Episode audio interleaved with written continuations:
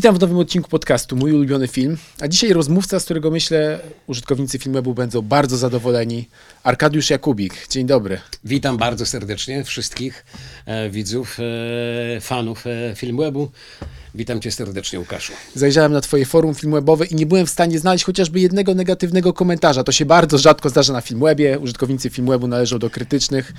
Proszę cię, no ponieważ ja jestem też e, fanem e, Filmwebu i zdarza mi się e, zaglądać na tenże portal i tam parę razy znalazłem tak, niezbyt przychylne komentarze, no ale sorry, to jest niestety wpisane jak gdyby e, w mój, w mój zawód. Powiem ci, że e, trochę czasu zabrało mi jak gdyby e, mm, no, żeby przestać się tym, tym przejmować, bo ja jednak nie mam takiej, wiesz, grubej skóry. To, to z mnie tak do końca nie spływa, jak po, przepraszam za to słowo, po kaczce. Natomiast chyba się już gdzieś tam uodporniłem trochę. To znaczy, jak widzę, że ktoś robi to jak gdyby Hejter po prostu. Znaczy tak, żeby hejterach. tylko y, podowalać się, a nie idzie za tym jakaś żadna sensowna e, krytyka, bo taką chętnie bym e, przeczytał i, i może jakieś wnioski e, z tego e, wyciągnął, ale jeżeli chodzi o samo dowalanie się, to, to staram się po prostu iść dalej. Mhm. Tak zastanawiałem się, jak rozpoczniemy naszą rozmowę o twoim ulubionym filmie, a właściwie najważniejszym filmie, bo takowy tytuł otrzymałem. E, najważniejszy film, w którym wystąpiłeś, ale, ale na początku chciałem ci zadać pytanie, czy piłeś dzisiaj rano swój super zdrowy, kawopodobny shake? Oczywiście, o Boże, wypiłem tego e, kawopodobnego szejka, e, drogi Łukaszu, szanowni państwo, to straszne. E, tak jak e, półtora litra prawie. Czyli podwójna dawka, bo czytałem w przepisie, że z 0,7 zazwyczaj Tak wody. jest, y, wypiłem po prostu dwa takie duże e, srebrne e, dzbanki. Wiesz co, miałem dzisiaj bardzo fajny, e, fajny poranek. Ja jestem, no, ja jestem meteopatą, a dzisiaj rano obudziłem się godzinę przed czasem. Patrzę, wow, jest słońce, bezchmurne niebo. Była godzina chyba 6.11, a budzik sobie nastawiłem na, na siódmą. Ja uwielbiam takie e, poranki. Generalnie trochę mi się to e, pozmieniało, bo, bo był taki, był taki e, okres w moim życiu, że tak sobie ustawiłem biologiczny zegarek, O 5.30 podobno się tak, budziłeś. że wstawałem, jeszcze było ciemno, ale po prostu konsekwentnie, czy lato, czy zima. Dlaczego? Dlatego, ponieważ wtedy najlepiej mi się pracuje. Wszyscy w domu śpią, ja biorę prysznic, robię sobie ten, że napój e, kawopodobny i, i, i wiesz co, i potrafię w ciągu tych e, trzech, czterech, e, pięciu godzin no, zrobić jakąś masę różnych, różnych rzeczy. I dzisiaj było podobnie. Jestem z tego powodu bardzo z siebie zadowolony, wręcz dumny. No to zdradź w takim razie, co dzisiaj rano robiłeś. Pracowałeś nad nową rolą, pisałeś nowe teksty, scenariusz może doszlifowywałeś, bo słyszałem, że też piszesz pewnie nie jeden. No wiesz co, y, dzieje się trochę, ale, ale teraz y, jestem bardzo skupiony na, na, na, na pracy nad moją e, następną solową płytą. Ta płyta, ale uwaga, e, niespodzianka to będzie e, płyta, cokolwiek to znaczy, w muzyce filmowa. Okej. E, Tytuł na razie roboczy, ale ja bardzo ten tytuł lubię. To brzmi następująco. Romeo i Julia żyją. Kropka, film. Kropka. I to jest jak gdyby koniec tytułu. Na, rok temu i, i dzisiaj pracowałem nad piosenką pod tytułem, żebym nie skłamał, robiłem nowe e, zgranie, trochę tam poprawiałem, zmieniałem tekst pod tytułem e, Bim Bam Bom. E, A, I pracuję nad następnym tekstem. To będzie już siódmy numer pod tytułem. Czekaj, Gandzia ci się pali. Koncept tego, e, tego albumu jest dosyć, e, no myślę, nie wiem, ekstrawagancki. Może po prostu. Hmm, może trochę przesadziłem, ale rok temu, kiedy zaczęła się e, pandemia, która nas wszystkich pozamykała w domach, e, wiesz, to był cudowny, cudowny czas, bo w końcu moi synowie, a ja, no oni mnie zabiją, jak e, usłyszą e, tę naszą rozmowę, Łukaszu, ponieważ nienawidzą, jak mówię o nich. No ale co mam zrobić? Jestem sorry, e, zwierzęciem rodzinnym i jak gdyby ich wyprowadzka, jak gdyby pójście na swoje, bo studiują teraz w Łodzi, ale to już, no, żeby nie było tak, że kolejna dygresja goni dygresję. A przepraszam, sk- skoro Łódź, tylko chciałem dopytać, czy coś może wokoło świata filmowego, czy to zupełnie gdzie indziej? Już nie, nie pytam więcej o rodzinę. No dobra, to e, nie, ale to muszę o, od początku e, Dobrze. zacząć. Wiesz co, starszy syn, Kuba, e, koziorożec tak jak ja, czyli jednak uparty osioł, który wie czego chce i jak gdyby konsekwentnie jednak ten swój plan realizuje. Ten swój cel stara się osiągnąć. I Kuba jak zdał maturę, to zdał e, do e, łódzkiej filmówki na scenariopisarstwo.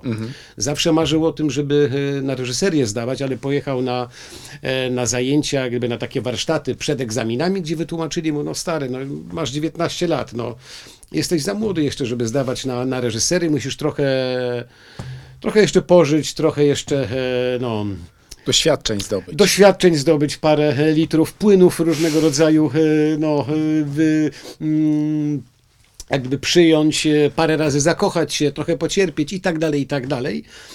I poradzili mu, żeby zdał na scenariopisarstwo. I to był w ogóle strzał absolutnie w dziesiątkę, bo Kuba zdał na to scenariopisarstwo, przygotował świetną teczkę, a ma tam gdzieś facet dryg do, dryg do pisania, krótko mówiąc.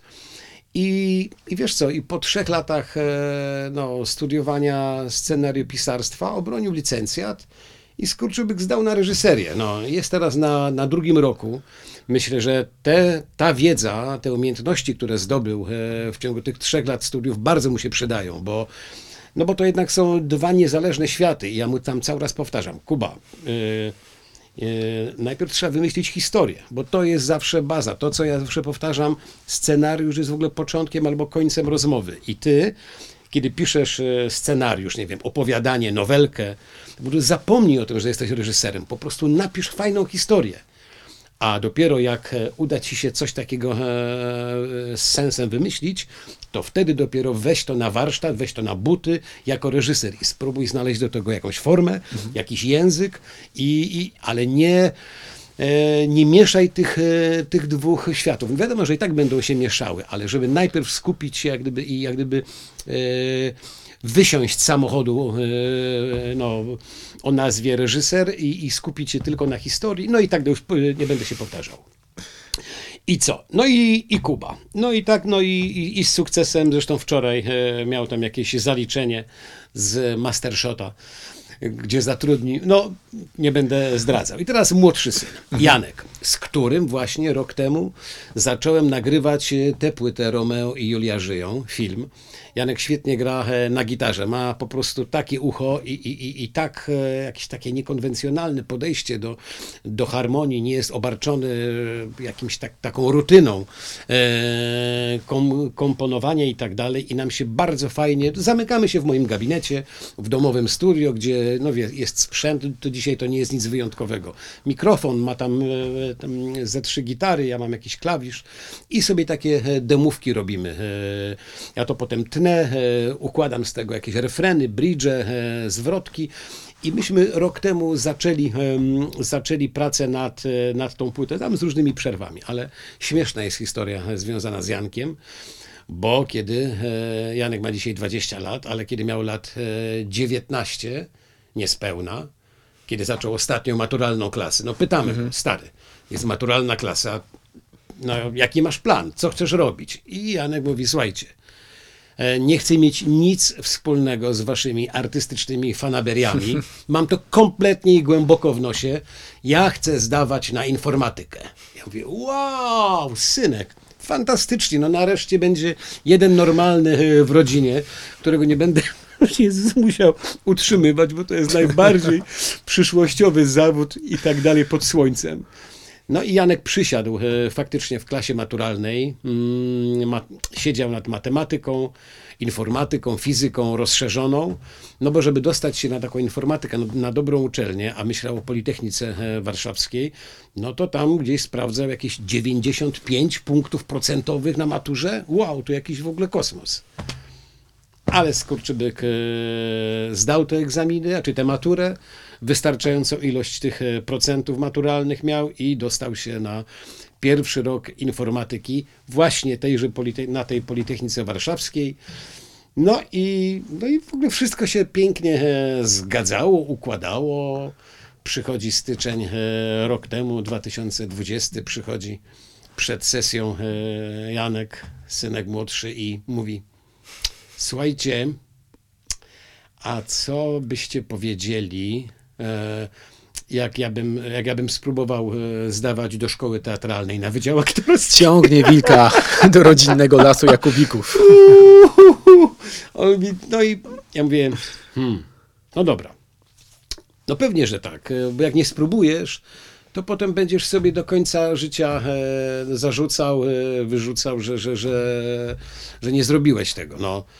Tylko umówmy się, że jest jeden warunek. No, mianowicie e, bardzo bym chciał, żebyś skończył pierwszy rok informatyki. Dlaczego? Dlatego, bo gdybyś się, e, e, nie daj Boże, dostał, oczywiście będziemy trzymać kciuki, to będziesz miał tę świadomość, że zawsze będziesz miał gdzie wrócić. Bo to jest bardzo trudny świat i tam nie będą się z tobą cackać. To nie jest świat, e, w którym funkcjonujesz na tej informatyce pod kloszem i tak dalej. To jest świat dosyć e, bezwzględny i dobrze mieć tak, zwane, tak zwany plan B, nie wiem, e, jakieś wyjście awaryjne, bo jak ci się nie spodoba ten świat, nie spodobają ci się, nie wiem, profesorowie, koledzy, to zawsze będziesz pokazać mógł im gest Kozakiewicza i wrócić na informatykę, która jest znakomitym przyszłościowym zawodem i tak dalej. No i wiesz, umówiliśmy się z Jankiem, zdał, e, zdał e, ten pierwszy rok, e, zdobył wszystkie zaliczenia, egzaminy pozdawał. No i no, była wiadomo pandemia, te egzaminy do szkół artystycznych się przesunęły na wczesną jesień, wrzesień. No i no i Janek dostał się do Łodzi. Jest na pierwszym roku Wydziału Aktorskiego, słuchaj. Mieszkają razem dwóch braci, jeden na reżyserii jest, drugi na aktorskim. Świetnie się dogadują, także jak gdyby z mojej perspektywy takiej no, rodzicielskiej i, i mojej Agnieszki również, to jesteśmy najszczęśliwszymi e, rodzicami e, pod słońcem. No i to, że oni przyjechali na początku e, tej pandemii, siedzieli z nami bardzo, bardzo długo, to był faktycznie ten taki najpiękniejszy czas. Zrobiliśmy zasłużone wakacje i tak dalej, ale to był ten fantastyczny czas powrotu do tych starych rytuałów, do wszystkich ognisk, zabaw, gier planszowych, piłkarzyków, grania w FIFA na PlayStation i tak dalej, i tak dalej. No to bardzo sobie ten, ten czas miło, e, cudownie wspominam. Ale świat kina wkrótce się o ciebie upomniał, bo pandemia przerwała zdjęcia do serialu Klangor na dosyć długi czas, kilka miesięcy, prawda? No, powiem ci, że mamy e, jak gdyby e, mamy farta. No, jakby ci wszyscy, którzy pracują e, na planie filmowym, e, czy to e, filmowym, czy, czy serialowym, mamy ogromnego farta. Ponieważ e, w połowie marca e, totalny lockdown, świat się zatrzymał, kraj się zatrzymał i, i, i wiesz, nam, znaczy mnie oprócz zdjęć do serialu Klangor przerwano również bardzo intensywną e, taką punk rockową trasę, Punky Reggae Life, gdzie mój doktor Misio grał razem z legendami e, punk rocka, e, czyli z Farbenlere i z zespołem The Analogs. Wiesz, jeździliśmy po całej Polsce, każdy weekend prak- praktycznie mieliśmy wyjęte, sprzedane sale, wow, co się w ogóle nie, nie zdarzało. I nagle e, koniec z koncertami. I ku naszemu zaskoczeniu, wiesz, przywrócono e, do życia branżę filmową, a branży muzycznej e, nie. I to cały czas się po prostu dzieje. Koncertów dalej nie można normalnych organizować, a plany filmowe jednak. I ja pewnie dlatego, że, no umówmy się, no, ja jestem pracocholikiem, nosi mnie generalnie, mam jakieś tam ADHD wrodzone. I po dwóch miesiącach tych e, zasłużonych, ale przymusowych wakacji, trochę mnie w tym domu zaczęło nosić. I jak zobaczyłem, że odmrażają e, plany filmowe, to bardzo się ucieszyłem. I, i, i praktycznie przyjąłem e, każdą propozycję, nie wiedząc, co przyniesie przyszłość, a jeszcze zdając sobie sprawę, że te plany niektóre mogą poupadać, ponieważ no, pandemia cały czas szalała wokół i, i raz po raz y, dostawałem informację, że kolejne plany filmowe są zatrzymywane, nie wiem, odwoływane, bo ktoś przyszedł chory na plan i pozarażał e, całą ekipę, także to wszystko generalnie e, tak było w takiej no, dosyć niepewne, Nieokreśloności. Nie, w pewnej nieokreśloności, do, do, dokładnie tak. No ja byłem no na jednym z planów to przerwano nam e, też na dwa czy na trzy tygodnie, chyba nawet na dwóch e, planach e, przerwano nam pracę. Ale chciałem zapytać o ten klangor, ponieważ po dłuższym czasie musiałeś powrócić do grania tej samej postaci. Ciekawi mnie, czy długo musiałeś odnajdywać w sobie bohatera klangoru, czy to raczej przyszło dosyć naturalnie? Nie, to nie przychodzi naturalnie. Wiesz, to, to była dla mnie absolutnie taka e, dziewicza e, sytuacja. Pierwszy raz się z czymś takim spotkałem, bo jednak. E, Wiesz co, ja staram się też e, absolutnie nie łączyć e, różnych produkcji. Znaczy, to znaczy, jak wchodzę w swojego bohatera, to się w niego zamieniam. To nie ma tak, że jednego dnia e, gram e, w takim filmie, następnego dnia zaczesuję e, no, grzywę w drugą stronę, przyklejam sobie wąsy, zmieniam kostium i idę grać w, jakimś, w jakiejś innej produkcji. Nie. Ja po prostu potrzebuję takiej przestrzeni, którą e, tylko i wyłącznie rezerwuję w swojej głowie dla jednej określonej e, historii. Kończę ją, potrzebuję chwilę, żeby e, jak gdyby to zresetować z twardego dysku.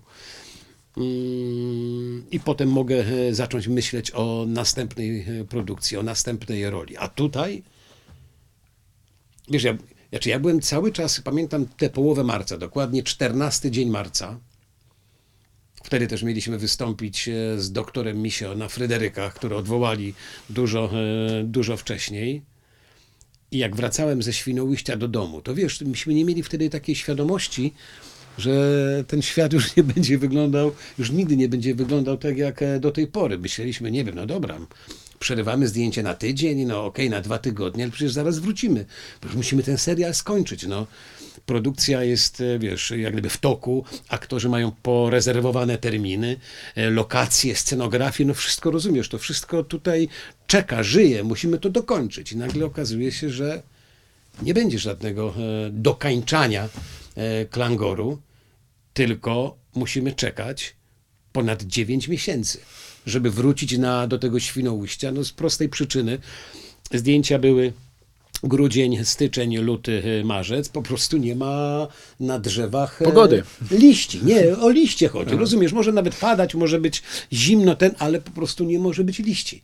Musieliśmy czekać, aż, e, aż te liście spadną, czyli czekaliśmy do, do, połowy, e, do połowy listopada, żeby wrócić na plan tegoż serialu. A, a dla mnie to była jakaś, jakaś, jakaś makabra, jakaś makabra, ponieważ tak jak mówiłem, mm, ze strachu e, trochę przed tym, co nam przyniesie ta niepewna przyszłość, e, wziąłem bodajże trzy jak gdyby rzeczy. E, Trzy, jeden serial, no Wojtkowi Smarzowskiemu się nie odmawia.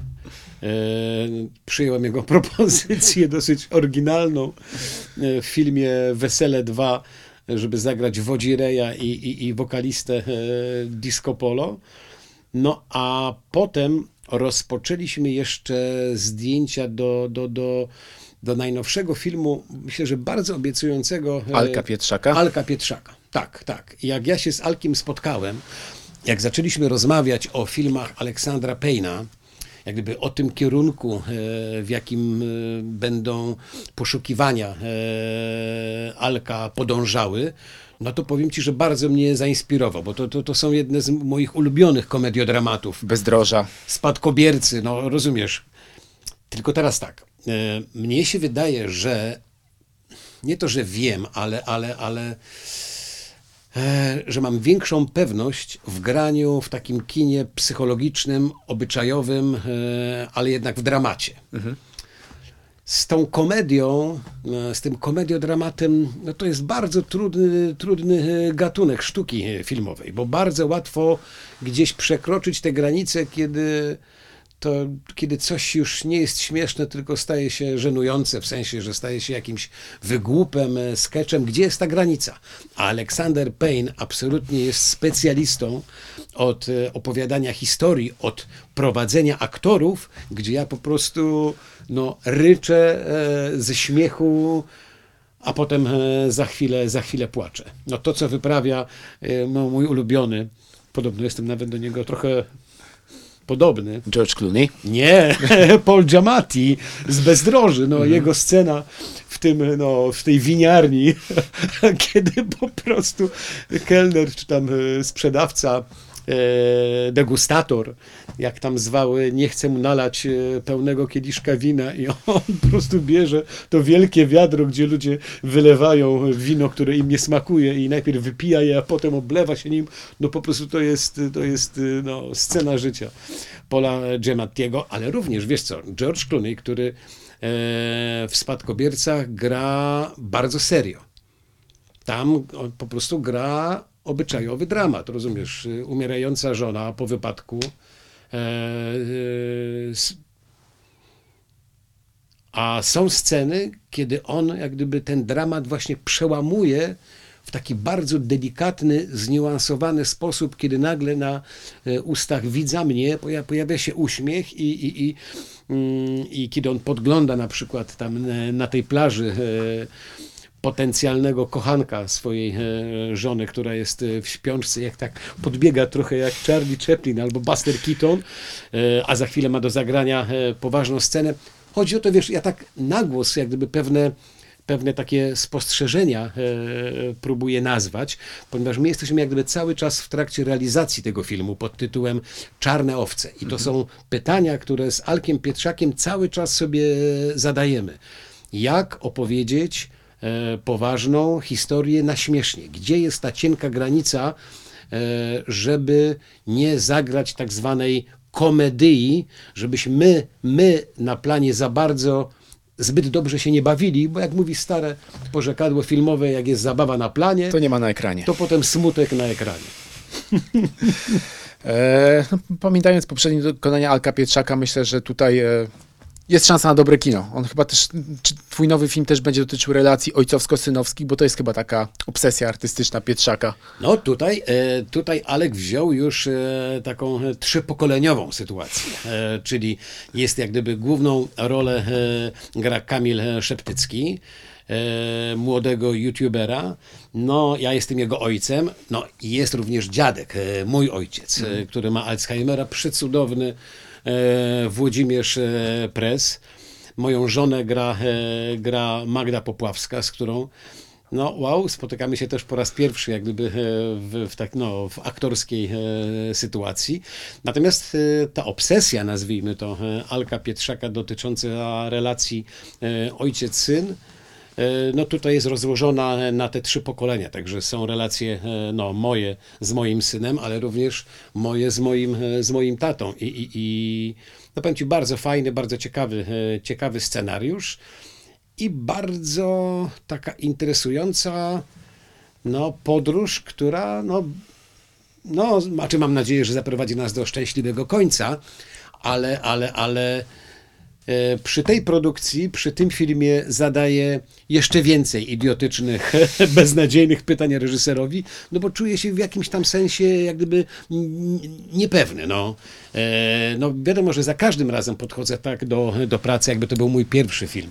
Jakbym e, jak gdyby tę swoją aktorską tabulę razę od początku e, wypełniał jakimiś informacjami, jakąś tam wiedzą, e, że zakładam, że nie mam w ogóle do, e, doświadczenia. Podchodzę jako taki e, no, e, Debiutant. aktor dziewiczy. No. E, jakby to była moja inicjacja e, aktorska, ale taka świeżość, takie podejście myślę, że jest nie, niezbędne w tej, w tej robocie. A tutaj e, tym bardziej. Też się umówiliśmy z Alkiem, że też robimy różne wersje na przykład dan, danej sceny. Scena, e, jedna wersja będzie taka bardziej na, e, na poważnie, jedna będzie z większym przymrużeniem oka, a czasami jeszcze gdzieś spróbujemy znaleźć jakby kompromis pomiędzy tymi dwoma wersjami. Wszystko po to, żeby reżyser miał jak gdyby możliwość wyboru, no bo wiadomo, e, wiadomo, te, no, są trzy etapy, e, jak gdyby, e, w których powstaje film. Tym pierwszym i za każdym razem każdy z tych etapów jest etapem absolutnie najważniejszym.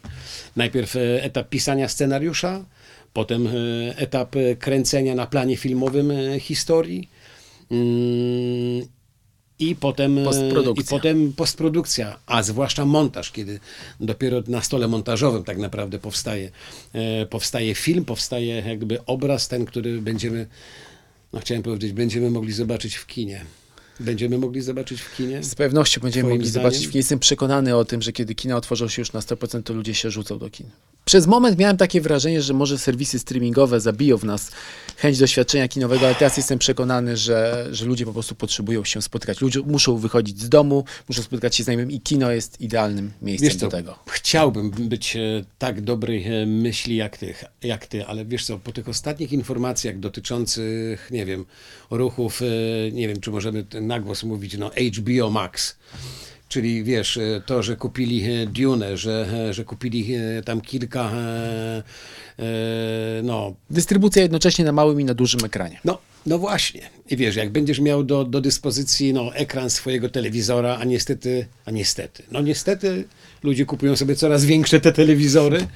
Rozumiesz, czy wyjście z kina w jesienny wieczór, kiedy jest zimno i kiedy pada deszcz, no boję się, że frekwencja w kinach już nigdy nie będzie taka sama, a to jest jednak samonapędzający się mechanizm. Im będzie, jak będzie, e, im mniej ludzi kupi bilet do kina, tym mniej będzie po prostu pieniędzy na produkcje filmowe.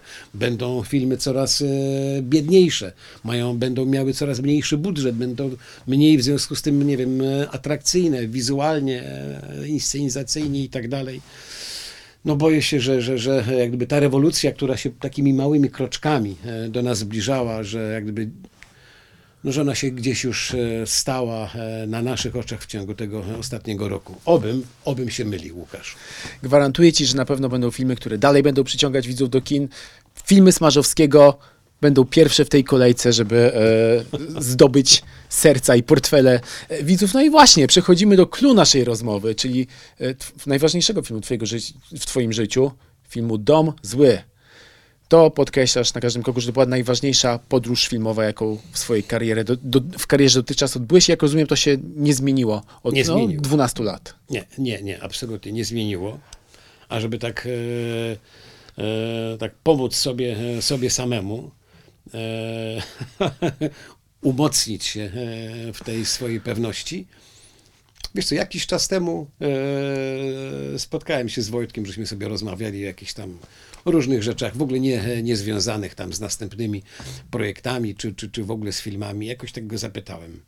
A powiedz mi, ty już tyle, tyle filmów zrobiłeś, jeden lepszy od drugiego.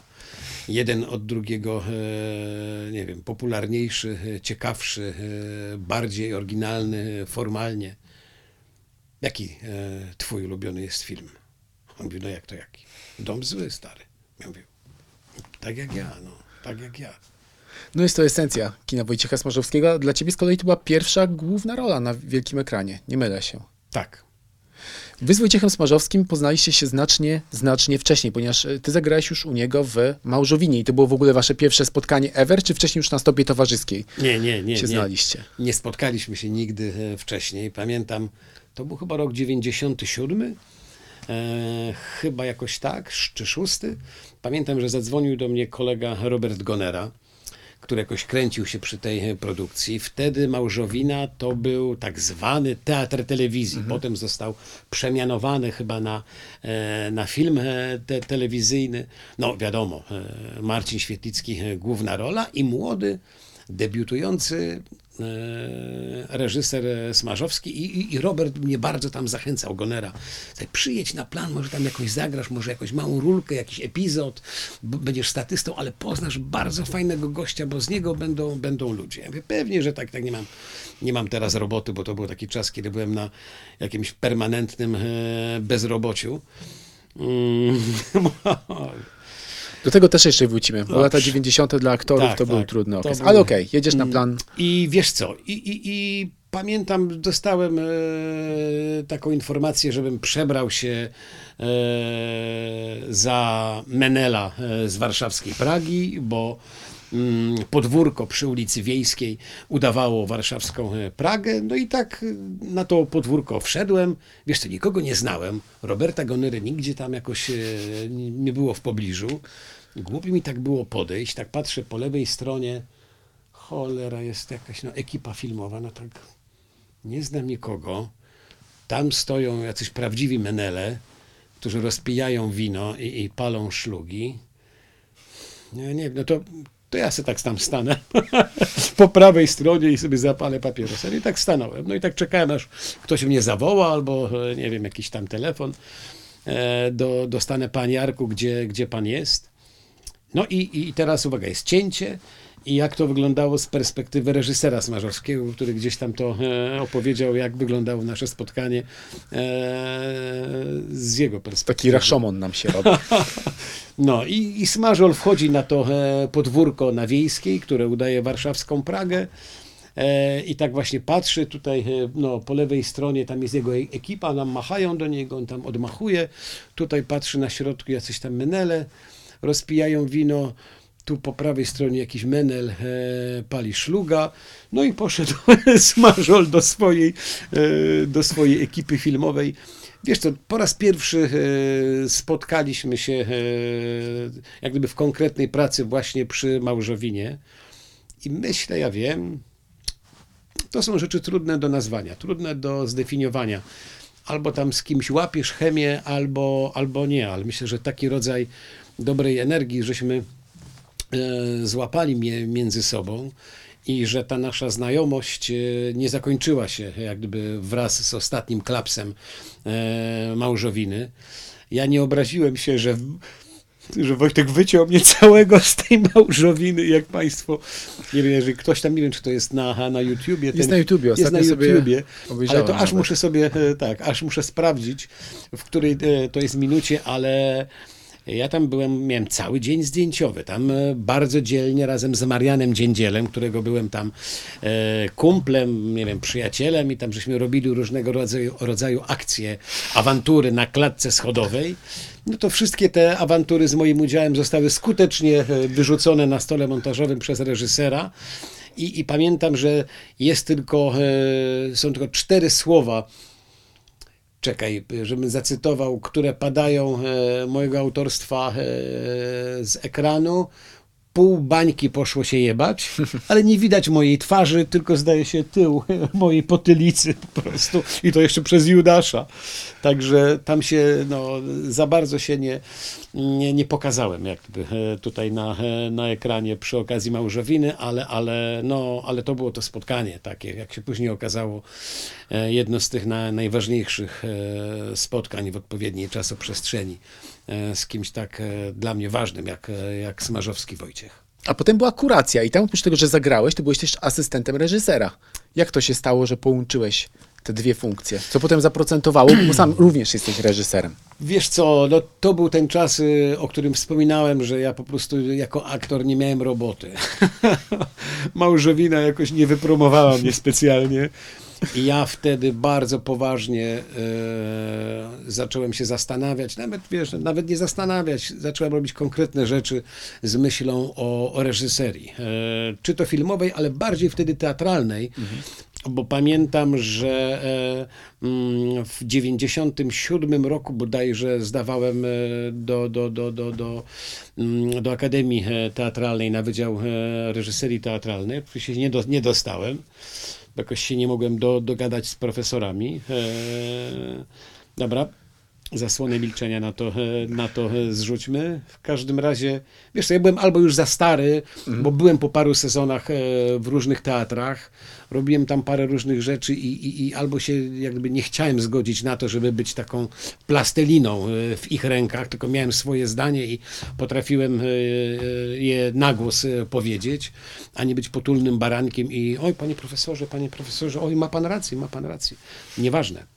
I wtedy też, jak pomyślałem sobie o tym, że chcę być reżyserem, chcę jak gdyby spróbować swoich sił. Może w jakiejś krótszej formie filmowej, może w jakimś ofowym przedstawieniu teatralnym, ale chcę stanąć po tej drugiej stronie, bo skoro, kurde, nikt mnie nie chce jako aktora, to może ktoś mnie będzie e, chciał e, albo był w Sam stanie... sobie stworzysz rolę po prostu. Tak, był w stanie zrozumieć, to sobie to będę po prostu reżyserował. I wtedy poprosiłem Wojtka, zapytałem go, czy byłaby taka szansa, może szuka drugiego reżysera, żebym sobie sobie jednak jakby pooglądał, e, powąchał, jak to wygląda, e, mm, jak się stoi, siedzi na drugiej stronie e, barykady. No i to powiem Ci, było dla mnie absolutnie takie bardzo, bardzo znaczące doświadczenie, kiedy, kiedy mogłem zobaczyć, jak wiesz, jak pracuje kamera, jak Wojtek pracuje z, z aktorami, jak się nagaduje z operatorem. I, i, I w końcu, no i mogłem podglądać konkretnie, wiesz, to, co się dzieje no, na monitorze. E, gdyby, jak ten film e, powstaje e, tu i teraz na, na, planie, na planie filmowym, a jeszcze bardzo taka oryginalna, oryginalny sposób narracji w tej, w tejże właśnie kuracji, która była wtedy teatrem telewizji. Pamiętam bardzo ciekawa książka Jacka Głębskiego pod takim samym tytułem i bardzo oryginalna jak gdyby adaptacja e, Wojtka, który trochę tamtę książkę przewrócił do, e, do góry nogami, a przede wszystkim uczynił ją nielinearną e, czasowo, co już było takim no, sygnałem, że ten facet chce robić swoje kino i szuka swojego języka, swojego charakterystycznego, filmowego, smażowskiego języka. No a potem, to jeszcze tak a propos mhm. śmiesznych e, sytuacji, e, zdarzyła się sytuacja, bo to był chyba rok 98 ta kuracja, mhm. a rok później ja zatrudniłem e, smażowskiego reżysera. Wyobraź sobie, Wtedy reżyserowałem w teatrze Rampa na dużej scenie taki duży musical o Jimie Morrisonie mhm. pod tytułem Jeździec burzy, który potem był grany w tym teatrze 18 lat i poprosiłem Wojtka, e, żeby nakręcił kilka takich e, krótkich etiud, takich, e, jakby to nazwać. Zwiastunów całego przedstawienia? Nie, nie, nie. Takich filmów, mhm. krótkich form, krótko mówiąc, ponieważ Jim Morrison, znaczy, który mógłby nakręcić e, Jim Morrison. Okay. Jim Morrison był studentem przez bodajże dwa lata e, na, uniwer na Uniwersytecie w Los Angeles, właśnie na Wydziale Reżyserii. Parę filmów tam, zdaje się, takich krótkometrażowych, warholowskich nakręcił. Nie było, nie udało mi się ich znaleźć no, w sieci czy tam w żadnym źródle.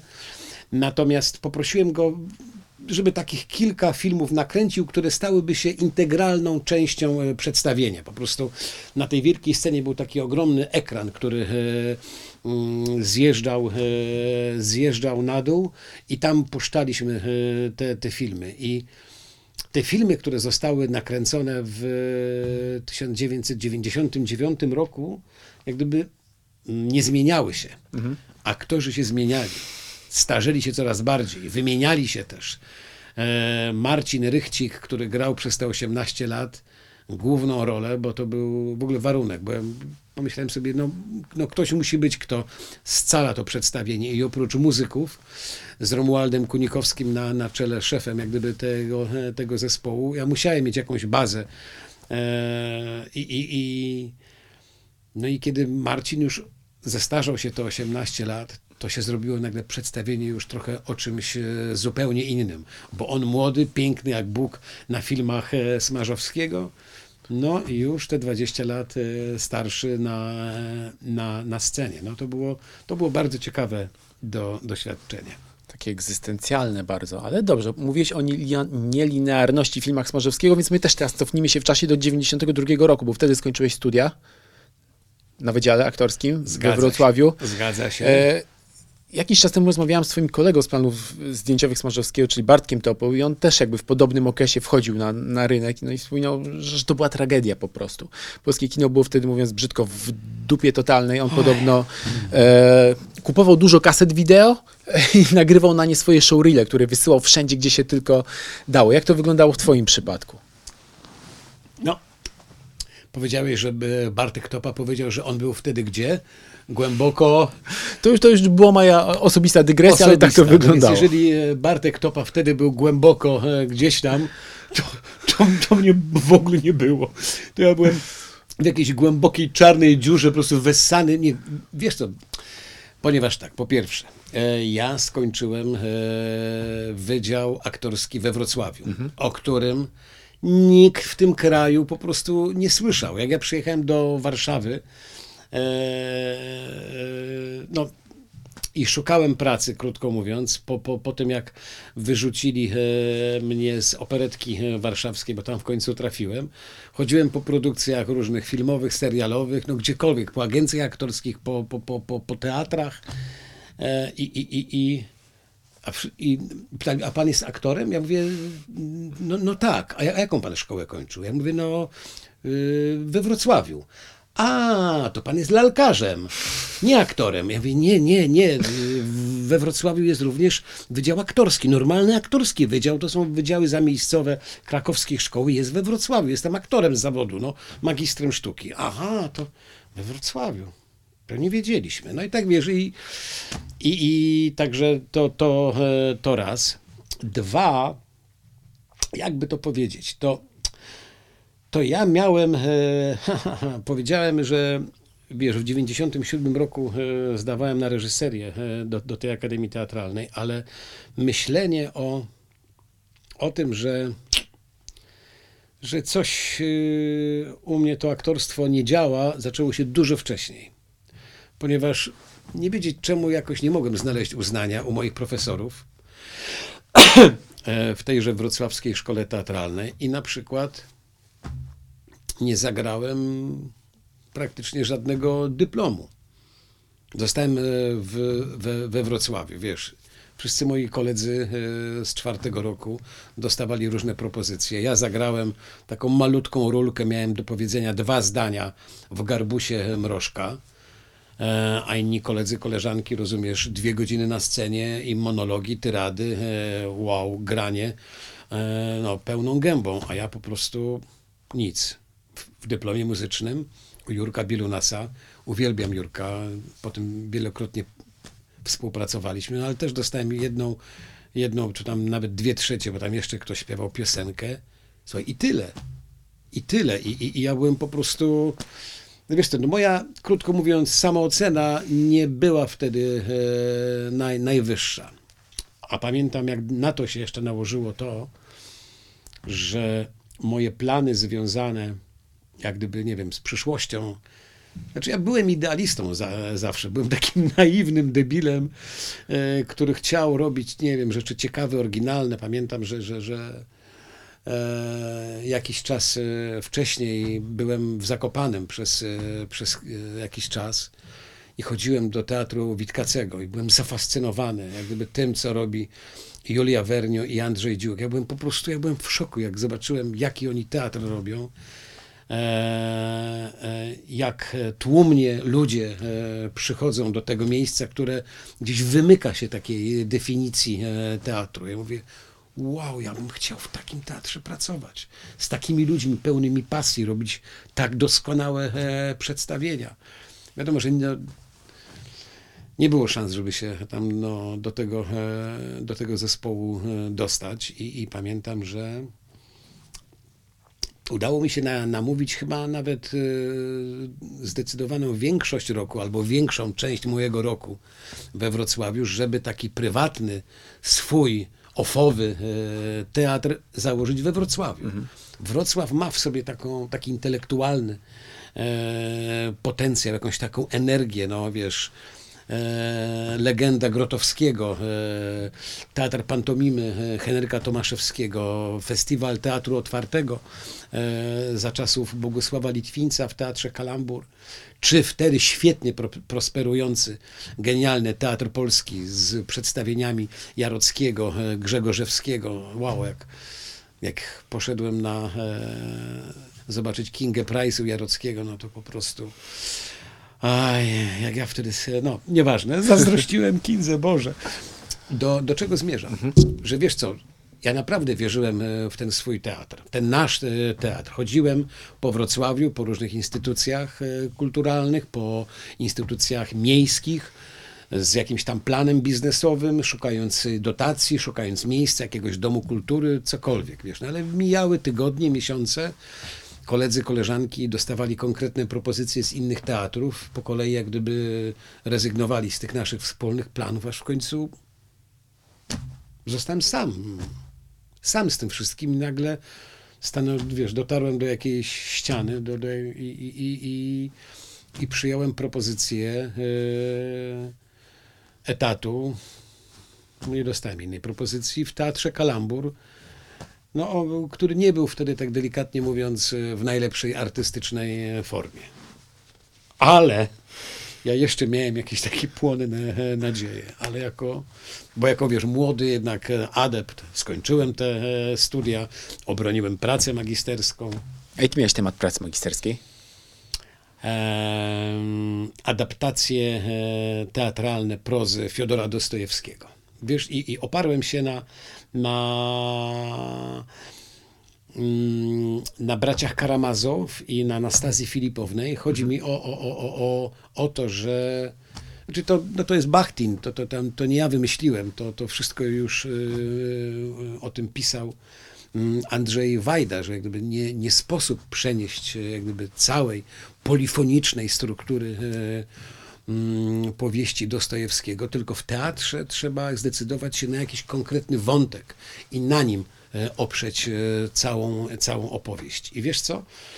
I mimo tego, że Wajda zrobił coś takiego, czyli jak gdyby spróbował może nie całą powieść, ale jednak e, te biesy udało mu się wystawić w takiej bardzo obszernej formie, to ja zrobiłem swoją e, adaptację i, i tam połączyłem kilka e, postaci, między innymi Kiryłowa, Wierchowińskiego. Krótko mówiąc, jak gdyby zbudowałem e, taki scenariusz na, na dwóch biesów, y, krótko mówiąc. I to był jak gdyby element, część tej, tejże pracy magisterskiej. Zresztą jak myślałem sobie kiedyś, że może wow, do tej adaptacji warto byłoby wrócić, bo, bo, bo, bo myślę, że tam miała rę, ręce i nogi. I wiesz co, ja wylądowałem w tym teatrze e, Kalambur, no jednak wiesz co, no postanowiłem dać szansę, uwierzyć. Mówię, wow, kurczę, jestem po raz pierwszy w profesjonalnym zespole aktorskim, jest pierwsza próba, będę grał. Wow, świetna sztuka Michela de Gelderode, Szkoła Błaznów. No, wiesz, to był malutki teatrzyk, no. E, wiesz, tam 150 miejsc e, na widowni, e, no, scena to jak, wiesz co, jak połowa tutaj twojego, twojego studia, tutaj w redakcji Filmu Webu. No i ja w takim napięciu przychodzę na pierwszą próbę, klasyka, stół, zielone sukno, zespół siedzi, reżyser, wow, przy okazji dyrektor artystyczny. Wszyscy słuchają, panie dyrektorze, dzień dobry. Szanowni państwo, zaczynamy pracę nad e, jednym z najwybitniejszych dramatów Michel Dagel. No i tam zaczyna jak gdyby opowiadać o autorze, o samym dramacie. Oczywiście ma tam swój taki notes, e, gdzie ma tam jakieś notatki. Normalna rzecz. No ale ja tak słucham, tak na pięciu słucham. Wow. O kurczę. O. Ja, ja znam te jego e, zdania, a, które wypowiada, zaglądając w notatki, właściwie nie zdania, tylko takie równoważniki zdań. Ja mówię, nie, tak sam ze sobą prowadzę rozmowę. Ja mówię, nie, to jest niemożliwe. Nie no, weź. Nie, przecież nie zrobiłby tego. Nie, muszę go, nie, tego sprawdzę po prostu. I zapisałem kilka zdań, które wypowiedział w dosłownym brzmieniu. Poszedłem stary do e, domu aktora na placu Zgody we Wrocławiu i wiesz co, wyjąłem z bardzo wtedy skromnej swojej biblioteczki jaką książkę. Myślałem, że swoją pracę magisterską chciałeś powiedzieć. Nie. Wademekum Teatromana dla licealistów. Stary spisał po prostu na próbę z aktorami słowo w słowo e, z takiego bryku, no, gdzie po prostu oło, ała. No i to był taki pierwszy sygnał, e, no, pierwsza sytuacja, gdzie moje e, młodzieńcze idee, marzenia po prostu zderzyły się z twardym murem. Potem było, było jeszcze gorzej. Już kończę jakby tę historię. E, I jest próba. Wiesz, wtedy też poznałem taką specyfikę e, jakby pracy w etatowym e, zespole teatralnym. To znaczy, jak to wiesz, wszyscy podlizują się e, reżyserowi, dyrektorowi, żeby być w stajni, żeby dostawać e, te role, e, jakimi są hipokrytami. e, I przychodzi tenże reżyser, niezły kawał kabotyna. I, Kochani, kochani, miałem sen.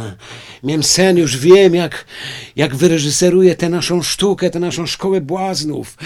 Niech nam pan powie, panie reżyserze, niech nam pan powie, dyrektorze, błagamy. Nie, nie, nie proście mnie, nie mogę wam powiedzieć, ale prosimy, błagamy. Naprawdę chcecie wiedzieć, normalnie, wiesz. Kandelabry, teatr, e, no, e, koniec XIX wieku, e, a propos gdyby techniki grania aktorskiego reżysera. Mi chcecie, chodźcie za mną. No i my, bo to cały czas etap prób czytania egzemplarza. No. I my, tej, my z tej sali, z tym stołem, z zielonym suknem idziemy piętro niżej e, na tę malutką scenkę. I on tak, Konrad Walenrod, Kordian do potęgi, otwiera e, drzwi na scenę i mówi, patrzcie, kochani, to jest nasz teatr. Po lewej stronie jest widownia, po prawej jest scena. A w naszym spektaklu po lewej będzie widownia, a po prawej scena. Ja mówię, nie, to jest niemożliwe. Ja się chyba przesłyszałem. I nagle słyszę i patrzę, a moi koledzy aktorzy zaczynają bić brawo. I brawo, brawo, brawo, panie reżyserze. Ja mówię, nie, Jakubik, nie dasz rady. Nie dasz, to jest ten moment, nie dasz rady, to jest ten moment, idź dwa piętra wyżej do dyrektora naczelnego i weź stąd, po prostu uciekaj, uciekaj czym prędzej. I tak zrobiłem, poszedłem e, dwa piętra e, wyżej, znaczy chciałem wziąć urlop bezpłatny po prostu, poprosić o to, że no, nie jestem w stanie tam się odnaleźć, no. A reżyser, a przepraszam, dyrektor naczelny mówi, a panie Jakubik, ja dostałem tutaj od reżysera, dyrektora artystycznego już takie właśnie informacje, że pan tutaj może o taki urlop bezpłatny poprosić. No więc informuję pana, że no niestety nie ma takiej możliwości. Albo pan się zwalnia za porozumieniem stron, albo pan wraca e, na salę prób. Czyli takie skrzyżowanie Barei trochę z niemalże Francem Kawką.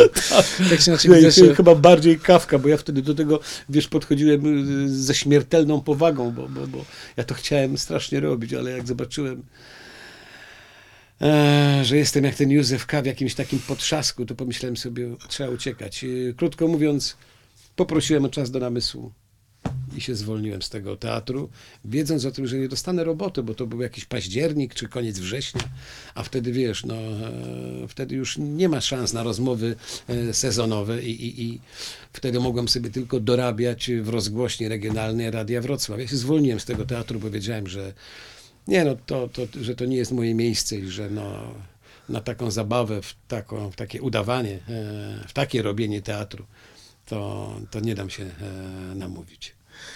I teraz znowu wykonujemy przeskok, ponieważ e, różne zajęcia e, miałeś w swoim życiu, zanim to wszystko zmierzyło ku happy endowi i świetnym rolom i docenieniu i nagrodom i tak dalej, i tak dalej. Ale czy pamiętasz, jak kiedyś o mały włos nie zostałeś reżyserem filmu porno? To śmieszne, tak, tak. Tak, był taki film, szanowni państwo, Jak to się robi z dziewczynami? jak to się robi z dziewczynami. Tak. Jest tam nawet, nawet jedna śmieszna scena, w której e, mój bohater, który jest dosyć e, no, poważnym ekstrawertykiem, mianowicie e, jest właśnie reżyserem i producentem filmów porno, lubi się przebierać w damskie ciuszki, zakłada kostiumy bikini i takie prosto z karnawału w Rio de Janeiro, jakieś pióropusze i w ogóle lubi tańczyć w tychże kostiumach w obecności gości na na poważnych, potężnych imprezach, które organizuje. No i tam jest taka śmieszna scena, kiedy gangster grany przez Andrzeja Grabowskiego przyjeżdża tam zrobić jakiś dym i jak mój bohater bierze jakiś czajnik i, i tam go nawala i pozbywa się tych, tych gangsterów, to dosyć e, zabawna, zabawna scena. Film, no film jak film, no. Film jak film, to, to, to jest tytuł, który tam nie stoi jakoś tak na, e, na podium, na szczycie moich, moich e, ulubionych rzeczy, w których brałem, e, brałem udział. Przez ciernie do gwiazd, jak to mówią. I niech i tak, niech i tak będzie. Natomiast było. E, była taka sytuacja, kiedy pamiętam już nieistniejący klub e, Le Madame w Warszawie. Myśmy nieopodal mieszkali na takim malutkim, w takim malutkim mieszkaniu z moją Agnieszką e, na ulicy Koźlej. Pamiętam, to mieszkanie miało 21 metrów. Po prostu jak się urodził nasz starszy synek, Kuba, no to, no to, było, to było ciężko, bo to był jeden pokój, taka mała wnęka kuchenna, nieważne. I ja trafiłem na jakąś imprezę, a imprezy w Le Madame były zawsze zacne. I przychodzi do mnie jakiś tam kumpel i mówi, słuchaj, ja mam tutaj, poznałem prawdziwego producenta filmów pornograficznych.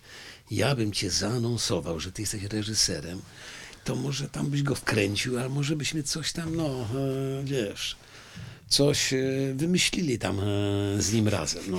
Ja mówię, dawaj go tutaj. No i no i faktycznie e, wcieliłem się wtedy w klubie Le Madame e, prywatnie w rolę reżysera. No i z pełną powagą e, zacząłem rozmowę na temat e, produkcji e, filmu porno. Pytam się tego producenta, a ile dni zdjęciowych pan zwykle? On mówi, no, wie pan, no u nas tydzień, w tydzień robimy film. Mówię, tak, no.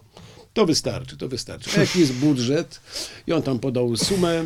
Wie pan, no to nie jest za duży budżet, ale, no, ale dobrze. Natomiast e, za scenariusz pan płaci ile? Też padła suma.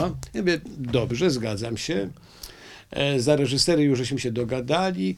To niech pan powie, ile, ile, ile, aktorki, ile aktorki u nas, u, u pana dostają. On mówi, no wie pan, y, taka normalna aktorka porno to tyle, gwiazda tyle. Ja mówię, no to są takie normalne stawki, oczywiście nie mając o tym zielonego pojęcia, tak, to są takie normalne rynkowe stawki, a ile pan płaci aktorom? I tutaj się wydałem. Wydałem, bo on tak na mnie spojrzał i mówi, aktorom? Chyba pan żartuje. Okazało się, że no, większość aktorów porno po prostu e, robi to bez, Z pasji. że tak powiem, z pasji z powołania, bez konkretnej gratyfikacji e, finansowej. Natomiast, ała, nie wiem, czy mogę to powiedzieć, ale hmm, tak naprawdę ja już później wiedziałem, o co chodziło e, te, temu mojemu kumplowi. Ponoć zostałeś zaproszony na orgię w. Dokładnie tak. I producent, ponieważ uwierzył absolutnie, że ma do czynienia z profesjonalnym reżyserem filmów e, porno, zaprosił mnie na takie biznesowe e, spotkanie. E, No, Orgia to, em, w Orgie miało się pewnie to spotkanie biznesowe zamienić, krótko mówiąc, willa pod Warszawą, tam 30-40 e, dziewcząt, jak gdyby do pełnej tam, e, nie wiem, do zabawy, do, do, do dyspozycji w różnych tam konfiguracjach, jakie sobie tam ktoś e, wymarzył. Data, mm, adres, ale wiesz co, Łukaszu, nie pojechałem, tam spękałem po prostu, bo bo to chyba nie są moje, moje klimaty do końca. I niedługo później nakręciliście, no kilka lat później, ale to już taka powiedzmy w okresach czasowych nie aż tak dużo, nakręciliście Wesele w końcu z Wojciechem Smarzowskim. I to była fantastyczna rola Janochy.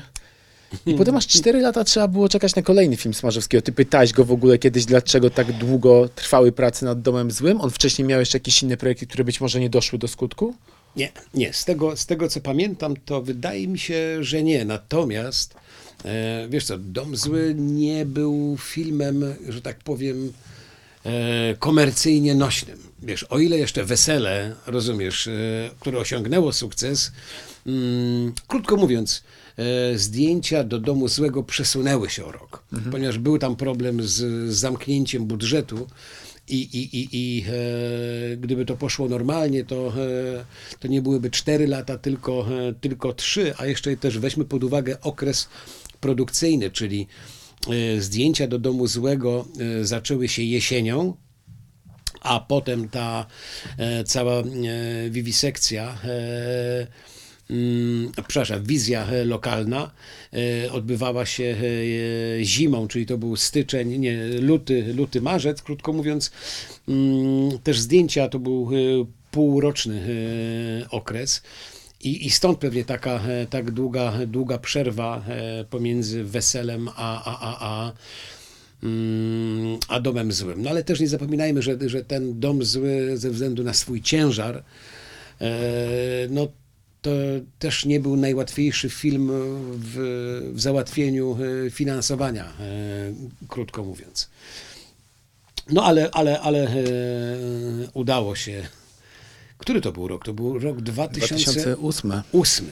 Dokładnie, 2008 rok. Czyli zdjęcia były w, 2000, w 2007.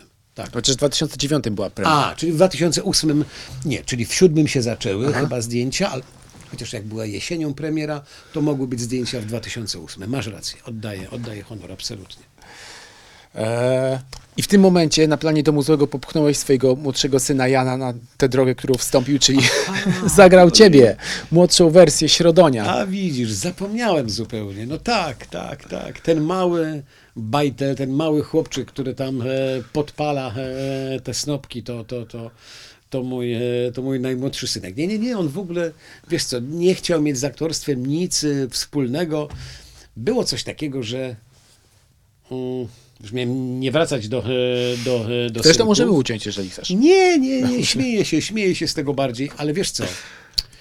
Y, Ja to nawet powtarzam to do dzisiaj, ale to już chyba raczej w ramach anegdoty, no bo i tak wylądowali w tej łódzkiej y, filmówce, ale ja bardzo chciałem ich trzymać e, z dala od tego świata, wiesz?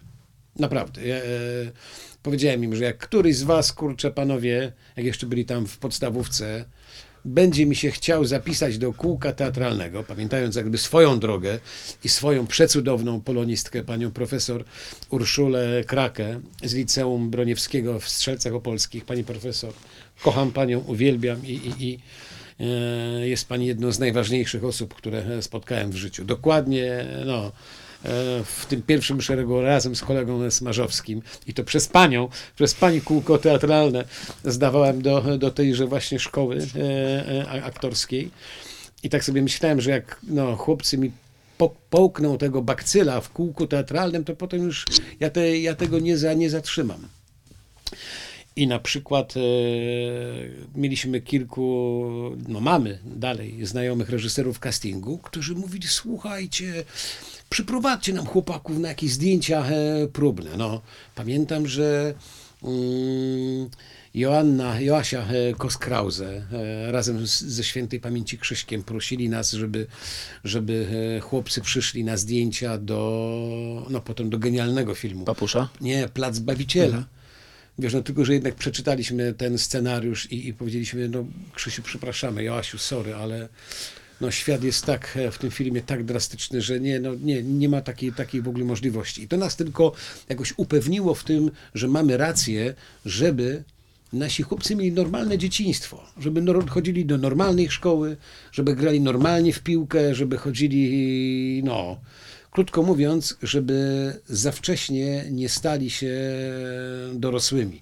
Wiesz, bo teraz dzieciaki dostaną rolę w serialu jednym, drugim i tak e, rosną z kolejnym rokiem e, no, kolejne ścianki e, no, przed paparazzi, rozumiesz, prężenie się, uśmiechy i tak dalej, prywatna gruba, nie wiem, prywatna, grubo naładowana karta kredytowa i to już y, znaczy ja nie chciałem, żeby e, moi chłopcy mieli e, takie dzieciństwo. No, chciałem, żeby e, dorastali w normalnej rodzinie i żeby chodzili do normalnej szkoły, szkoły i żeby robili normalne rzeczy takie, jakie robią ich rówieśnicy w, w klasie. I tyle. I, i, i wiesz co, to się, to się udało, a to, że, no, a to, że po prostu poszli tak tą samą drogą, ale zrobili to tylko i wyłącznie dlatego, że sami chcieli, a nie to, że tak jak e, niektórzy albo no, duża część rodziców niestety jak gdyby wypycha te dzieci, wow, żeby tylko wystąpiły w telewizji, żeby tylko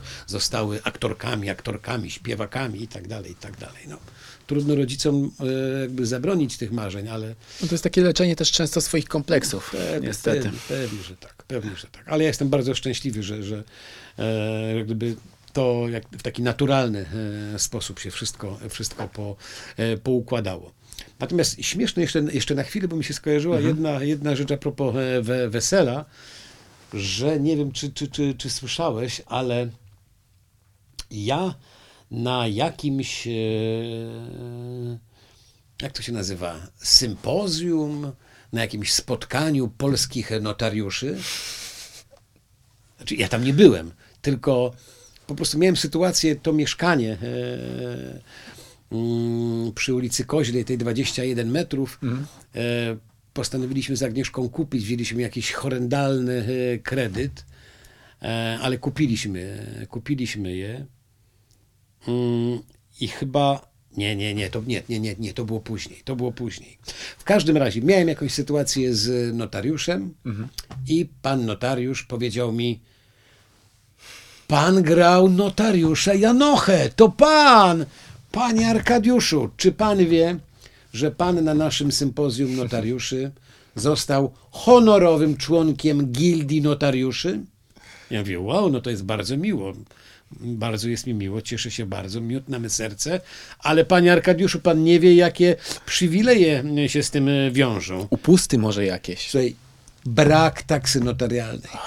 Cały jak gdyby notariusz, jak gdyby wszystko przeprowadził i, i nie wziął od, od notariusza Janochy ani grosza. A to było naprawdę parę takich konkretnych e, złotych, także to był, e, no bardzo się ucieszyłem i, i, i, i e, że jak gdyby tutaj takie mnie ze strony gildii notariuszy e, polskich takie prezenty mnie po prostu spotkały. Ale ale tak naprawdę to chyba się to wszystko od tegoż właśnie wesela, wesela zaczęło. I ja do dzisiaj nie jestem w stanie zrozumieć e, reżysera Smarzowskiego, co on tam musi mieć w swojej e, głowie. Nie lubi wesela?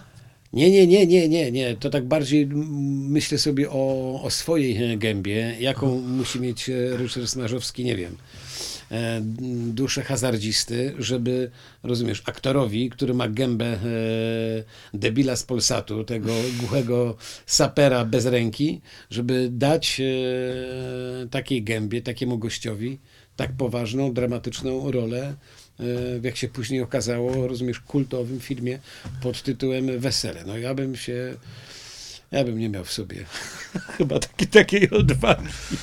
No właśnie, to jest po prostu dobry reżyser, który potrafi aktorów wyciągać z szufladek. No, e, Andrzej Grabowski, z którym miałeś okazję wystąpić we wspomnianym już, jak, e, jak to się robi z dziewczynami, no też przez lata był kojarzony z rolą Ferdynanda Kiepskiego, a potem Patryk Wega dał mu rolę Goebbelsa, no i nagle się No zgadza się.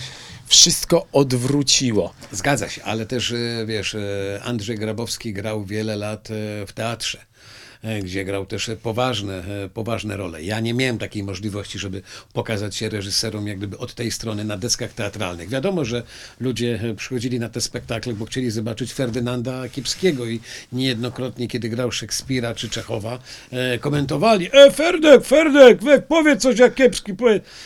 Oczywiście, ale, ale, ale no, Andrzej Grabowski to jest kawał naprawdę genialnego, fantastycznego aktora i myślę, że też nieraz e, mógł udowodnić to, e, no też nie tylko na, e, na scenach teatralnych. Mhm. A jak było ze scenariuszem Domu Złego? Podobno e, Smarzowski wysyła aktorom swoje teksty do przeczytania, zanim, nie wiem, zaproponuje im rolę, albo kiedy już złoży propozycję. Nie, nie, nie, nie, nie. To było jakaś, to była absolutnie e, jakaś wy, wyjątkowa e, sytuacja. Nie, nie, nie, nie. Znaczy my mamy... Chciał, żebyś e, zwalcował scenariusz. Tak, znaczy my mamy z Wojtkiem, ponieważ się znamy od czasów tej, e, tej, e, mm, tejże małżowiny, kumplujemy się, krótko mówiąc, i od czasu do czasu jakby wysyłamy sobie swoje teksty, po to, żeby nie tam klepać się po plecach, wow, ale super, napisałeś scenariusz filmu, musicalu, e, czy tam teatru, czy słowiska radiowego, tylko żeby się po prostu poprzyczepiać, e, konstruktywnie e, skrytykować, Mm, czyli zwalcować innymi słowy. Mm, I tak było też właśnie z Domem Złym.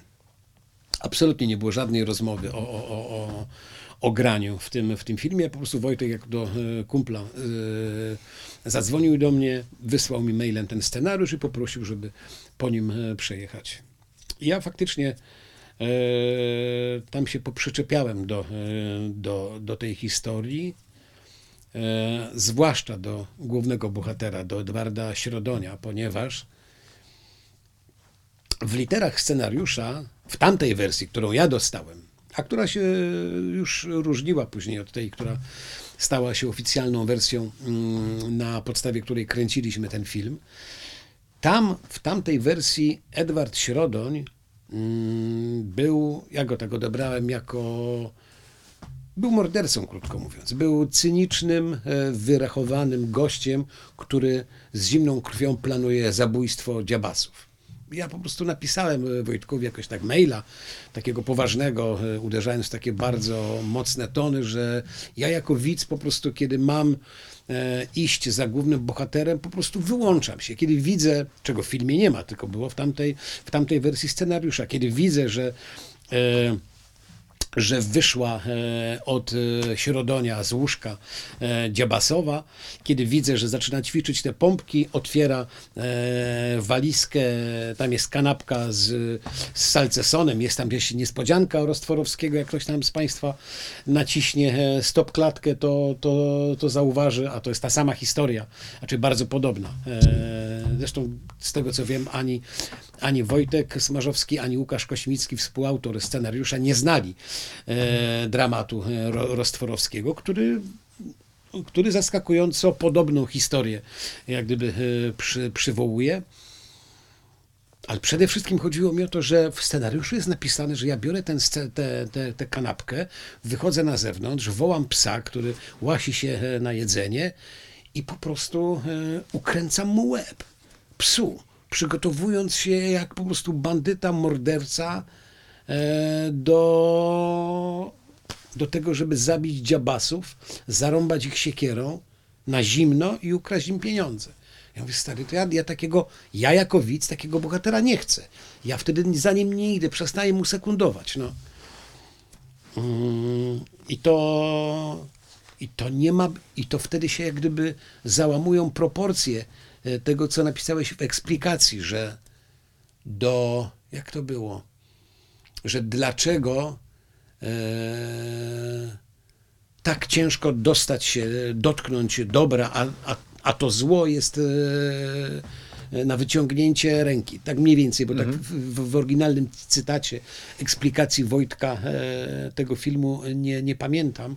Ja mówię, dokładnie przychodzisz wtedy na, na, na drugą stronę, na stronę zła, e, stawiając głównego bohatera jak gdyby w takiej perspektywie. No i wiesz co, i minęło tam jakoś parę miesięcy. Wojtek przyjął te, te, te uwagi. Wiadomo, tam sobie część by może wziął e, do serca, a może w ogóle, e, pomyślałem wtedy. No ale parę miesięcy później za, zapytał mnie, czy bym się zgodził, żeby zagrać główną rolę Edwarda Środonia. Oczywiście opadła mi koparka z, zupełnie. No, oczywiście, że się zgodziłem. No, to, to tak, takiej propozycji e, no, nie, e, takiej propozycji nie sposób było odmówić, ale myśmy wtedy, pamiętam,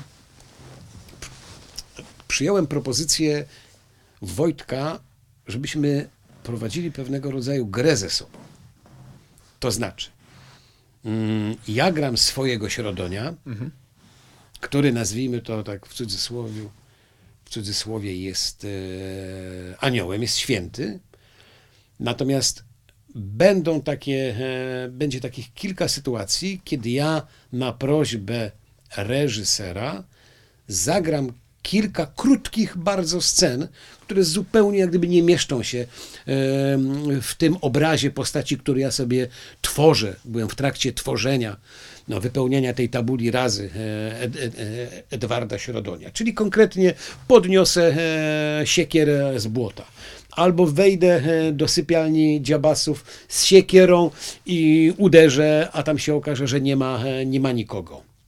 I coś tam miałem jeszcze chyba, e, chyba zrobić, podpalić chyba e, zapalniczką, podpalić e, stodołę. Ale to robi nie mój środoń anioł, bo anioł środoń takiej rzeczy by nigdy nie zrobił, bo to on jest ofiarą według e, mojej wtedy jak gdyby percep, mojej perspektywy budowania tej, e, tej postaci. A myśmy zaczynali kręcenie od tej sekwencji, wiadomo, jesiennej, błotnej, deszczowej, wtedy, kiedy to dziabas przyjeżdża, przepraszam, środoń przyjeżdża zootechnik do dziabasów.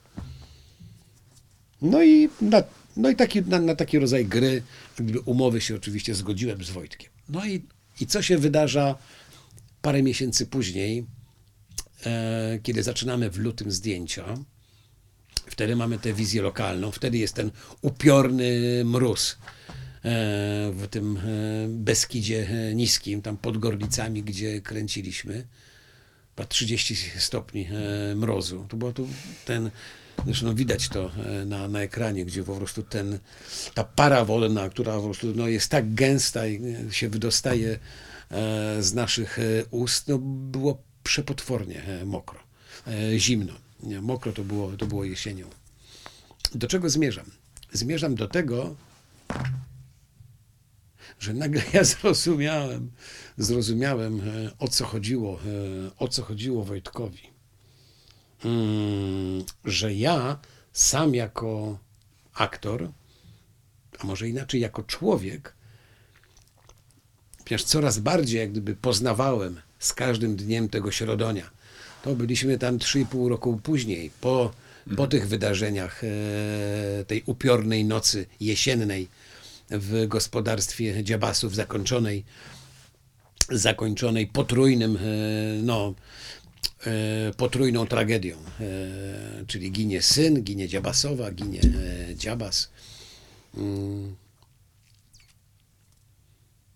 I zaczęły do mnie docierać takie, takie małe wątpliwości najpierw, które zaczęły się zamieniać w pytania, potem już takie poważne pytania, czy na pewno, czy na pewno ten środoń jest aniołem?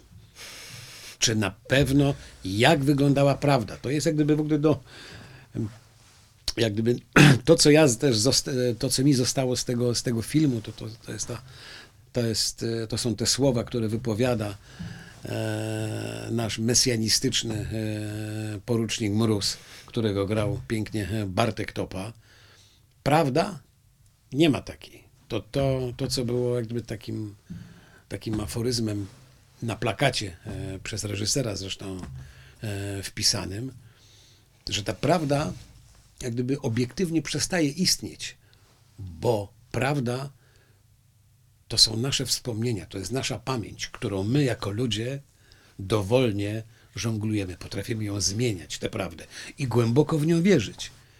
I ja ja byłem w stanie zrozumieć Dziabasa, że e, on wierzył w głęboko, wierzył głęboko w tę swoją prawdę, że to on był ofiarą, że on absolutnie z tym e, morderstwem, z tą tragedią nie ma nic wspólnego. Mhm. To przecież Dziabas przyszedł do jego pokoju, kiedy on poszedł sobie szybko na, na chwilę do wychodka, widział, że e, leży w łóżku i go zarąbał siekierą. A to, że okazało się, że nagle przyszedł syn e, Dziabasa i zajął miejsce w swoim łóżku, a ja nie zdążyłem wrócić, no i powiem ci, że jak potem skończyły się, już po premierze, jak byliśmy na, mm, na kolejnych premierach, pokazach, festiwalach z tym filmem, to Wojtek zawsze i potem patrzył na mnie, e, pytał, proszę Państwa, a kto z Was uważa, że e, to dziabas? Przepraszam. Kto z Państwa uważa, że to Środoń, którego gra Arek Jakubik, że to Środoń chciał e, zabić dziabasów i że to on jest mordercą? To powiem Ci, że 10-20% ludzi podnosiło, podnosiło rękę. Tylko też dla mnie był najciekawszy jak gdyby ten proces, jak gdyby ten, ta moja podróż, gdzie ja byłem absolutnie przekonany, jak zjechałem Wojtka za ten scenariusz, za jego tą pierwszą wersję, potem, kiedy rozpocząłem te zdjęcia, dalej byłem aniołem, a potem, kiedy już kończyliśmy te zdjęcia, no to już tym aniołem nie byłem, tylko tego, e, tej ciemnej strony, tego, e, tego mordercy, e, tego złego dziabasa, środonia, co ja jestem dziabasem, tego złego środonia już na samym końcu było coraz we mnie więcej. Tych wątpliwości, tych znaków zapytania. Teraz ja też mam znak zapytania. Pytałeś kiedyś Smarzowskiego o to, dlaczego jedynym filmem, jego filmem, w którym ty nie wystąpiłeś, jest Róża? Czy dostałeś może propozycję zagrania tam? Nie, nie. Nie dostałem propozycji. I... Bo praktycznie wszystkie filmy Smarzowskiego Jakubik zawsze był i świetnie sobie radził w zupełnie nowych odsłonach. A Róża jako jedyna... Drogi Łukaszu, no, z kolcami. Powiem ci tak, no, nie zadałem mu tego pytania e, i myślę, że nigdy nie, nie zadam, bo głupio bym się czuł, pytając go, a może mi powiesz, dlaczego nie, nie obsadziłeś mnie w róży? Nie, no po prostu wiesz co, miał tam inny pomysł na, e, na, na obsadę, nie znalazł tam e, dla mnie roli, absolutnie e, normalna, naturalna rzecz. To my jak gdyby swoje relacje jak gdyby nie budujemy na tym, że no, ja muszę zagrać w każdym kolejnym filmie Smarzowskiego, bo to tak nie działa.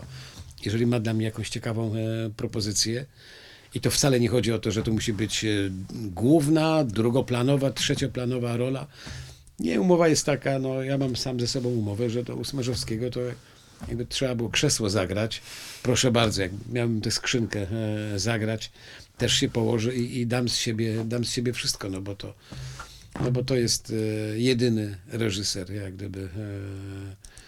Znaczy, dla mnie chyba, chyba, chyba dzisiaj taki, no, dla mnie najważniejsze, jakby to kino, które on robi, tak e, emocjonalne, tak punkowe, tak e, formalnie e, oryginalne, no to takiego drugiego reżysera w tym kraju nie ma.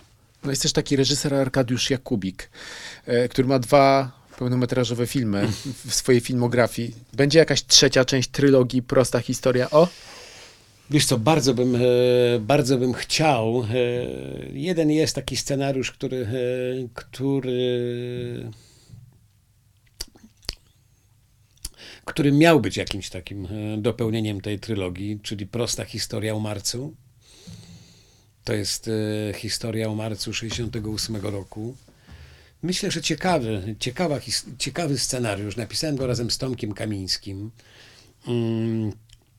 Główną rolę zgodził się zagrać e, pan Jerzy Sztur po lekturze tego, tego scenariusza.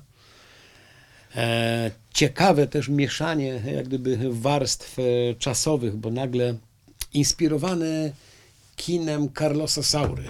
I, i chodzi o to, że główny bohater jak gdyby z niewiadomych przyczyn są różne tropy, mniej lub bardziej mylne, ze współczesnych czasów nie wiadomo dlaczego przenosi się nagle do 68 roku. 40 lat e, wstecz. I wszyscy traktują go jakby miał 40 lat e, mniej. Natomiast my widzimy go jako 70-letniego mężczyznę, który próbuje przypomnieć sobie, który, próbuje e, poznać tam jakąś tajemnicę, a przy okazji dowiadujemy się o tym, że no, nasz główny bohater nie jest do końca tym, za kogo się podawał, a jest uznanym pisarzem ponieważ emigrował w 1968 roku, mieszka w Szwecji, tam wydał swoją biografię i przyjeżdża do Krakowa na, na e, spotkanie e, autorskie z czytelnikami. Myślę, że ciekawy formalnie. e, Też dużego budżetu chyba wymagający. Wiesz, to, to może myśmy nawet znaleźli, e, znaleźli poważnego producenta, Jacka Rzechaka, który robił e, z Wojtkiem Smarzowskim e, między innymi Claire czy Pod Mocnym Aniołem. Tylko nie udało nam się, no ale to tutaj e, jak gdyby absolutnie e, szacunek i, i, i zrozumienie, e, przekonać recenzentów Polskiego Instytutu Sztuki Filmowej, że mamy do opowiedzenia ciekawą, ciekawą historię i tutaj mm, ten scenariusz jak gdyby nie znalazł uznania w ich, w ich oczach. No i tyle. I, I wiesz co, leży sobie ten scenariusz w szufladzie. Ja sobie obiecałem, że za po kilku latach powinienem do niego, do niego wrócić, bo mam jakąś tam wiarę, że, że, że jest tam e, potencjał i że warto byłoby go zrealizować. Ale ale to jeszcze nie jest, to jeszcze nie jest ten czas. Jeszcze musi trochę, e, no, mm, trochę e, parę lat minąć. To jeszcze nie jest ten moment, żeby tę szufladę otworzyć. Wiesz co, mam, mam jakieś takie dwa, dwa projekty, nad którymi sobie pracuję, ale Robert Brylewski. jest. Zdradziłeś się w jednym z wywiadów. Zdradziłem się, ale e, tak, mam, mam e, taki projekt, mam bardzo konkretny pomysł, na czym ta fabularna historia mm, o Robercie Brylewskim miałaby e, polegać. Mm, Ale jak gdyby czekam jeszcze na, e, na spotkanie z, z córkami Roberta, bo e, chciałbym, żeby to one e, jako pierwsze usłyszały na żywo. Tylko po prostu nie możemy się spotkać w tej cholernej pandemii. A dla mnie no, rozmowa przez telefon czy przez Skype'a na tak istotne tematy jak historia o ich, ojcu przede wszystkim, no i przy okazji fantastycznym muzyku, artyście, performerze i tak dalej. No czekam aż po prostu te ograniczenia zostaną e, zdjęte. No jak, jak nic się nie zmieni, no to, no to nie, no to po prostu e, spotkamy się e, online, ale, ale no chcę się jeszcze uzbroić chwilę, w chwilę cierpliwości. A dla mnie ten obraz filmowy, fabularny o, o Robercie, to też taka Osobista chyba też rzecz dla ciebie. tak, tak, tak, tak, bo, bo, bo ja znałem Roberta, nawet mam wrażenie, dobrze, był na paru naszych e, koncertach. E, Przy, poznaliśmy się przy, czyli spotkaliśmy się przy okazji e, polskiego gówna, e, filmu Tymona Tyma, Tymańskiego i tak dalej, ale pamiętam, że jedną zmarnowałem okazję i to będę sobie pluł e, do końca życia w brodę. Stąd też trochę ten, ten film, żeby tę podróż z Robertem gdzieś kontynuować i zakończyć szczęśliwym finałem, bo przegapiłem taką szansę, żeby z Robertem spotkać się na scenie e, muzycznej. Bo pamiętam koncert w Warszawie w klubie Chwila Da u Tytusa Hołdysa, gdzie graliśmy razem z Olafem Deriglasowem, moim przyjacielem, który wiadomo na rock'n'rollu zjadł e, zęby, a wydaliśmy we dwóch taką ekstraordynaryjną płytę pod tytułem 40 przebojów, gdzie żart polegał na tym, że były to oczywiście antyprzeboje wszystko i że każda z tych piosenek, a było ich 40, by trwała od kilkunastu sekund do niespełna minuty. Nikt nam tego nie chciał wydać. Gdzieś nam wtedy pomógł jeszcze normalny e, ENCEK, czyli Narodowe Centrum e, Kultury, które wtedy wspierało nie tylko narodowe i patriotyczne e, gdyby, inicjatywy, pomysły, ale również sztukę nieoczywistą, e, poszukującą. I jak zwał, tak zwał. I na tym koncercie promującym tę płytę w chwili da e, był również e, Robert Brylewski. I potem do nas z Olafem przyszedł, bardzo dziękował, powiedział, że to jest jakiś kosmos, że on, wow, że mu się to strasznie podoba, że, że chciałby to kiedyś zagrać z nami. Ja mówię, wow, naprawdę, bo tu szukamy właśnie gitarzysty, może byś zagrał. Super, pewnie, że tak. No i zabrakło mi, nie wiem, może trochę konsekwencji, może trochę cierpliwości, czasu. E, A może nie wiedziałem, że Robert e, tak szybko e, odejdzie i, i, i nie udało się doprowadzić do tych prób. Nie udało się zorganizować wspólnych tras koncertowych, no bo to by było coś, jak gdyby spotkać się razem z Robertem Brylewskim i Olafem Deriglasowem na ścianie, na scenie, na ścianie, na scenie. Oj, to by było coś. No i, i, i tak pomyślałem sobie, że wracam, wracam do Roberta, ale, ale tym razem jak gdyby w formie e, pisania o nim, w, w próbie opowiedzenia e, takiej e, fabularnej historii. Zagrałbyś tytułową rolę wtedy? Nie, nie, nie, nie. Wiesz co, nie, to zdecydowanie. To jest ich paru, umówmy się, no. E, to Clint Eastwood albo Woody Allen mogą sobie pozwolić na, na takie rzeczy, żeby stawać jednocześnie po jednej i po drugiej stronie e, barykady. Mm, Nie, nie, nie, nie, nie. To w ogóle tego nie, nie brałem pod, pod uwagę. E, Ale wiesz co, to jest melodia dalekiej, dalekiej e, przyszłości. E, Trudne czasy e, mm, dla kinematografii, dla, dla kina historycznego, a tutaj wiadomo, również e, część akcji, albo zdecydowana większość akcji musiałaby się dziać na przełomie lat 70. i 80., także e, długa droga przed ewentualną realizacją, także proszę e, trzymać kciuki, ale, ale mam nadzieję, że coś, że coś z tego, mm, że coś z tego będzie. A drugi taki jeszcze pomysł, który, który mi siedzi w szufladzie i, i, i, i opowiem ci go tak w paru słowach, żeby tam też się trochę na, nakręcić, e, żeby go trochę odświeżyć w swojej głowie. E, No, żebym może wyjął tę te szufladę i, i, i, i, i spróbował wrócić do, do opowiedzenia, bo trochę nie ukrywam, jak gdyby ta pandemia i to, co się dzieje z kinem i to, w jakim kryzysie, bo widzę, e, co się dzieje, w jakim kryzysie jest kinematografia, producenci filmowi, że teraz jakakolwiek rozmowa o, o ciekawym, ambitnym, e, nieoczywistym kinie jest rozmową bardzo trudną. No, jeżeli to nie jest jakaś komedia, jeżeli to nie jest e, komercyjny film, na który, no, który jest gdzieś nastawiony, e, wiesz, jednak na szeroką e, publiczność. No. to to jest historia, która się wydarzyła inspirowana prawdziwą e, sytuacją. E, przecudowny e, Mietek Bieniek, górnik e, z Katowic, Hajer, po poważnym wypadku w kopalni, a jest takim skorczybykiem, takim po prostu co do 300% normy, jest brygadzistą i tam jego brygada musi być zawsze najlepsza.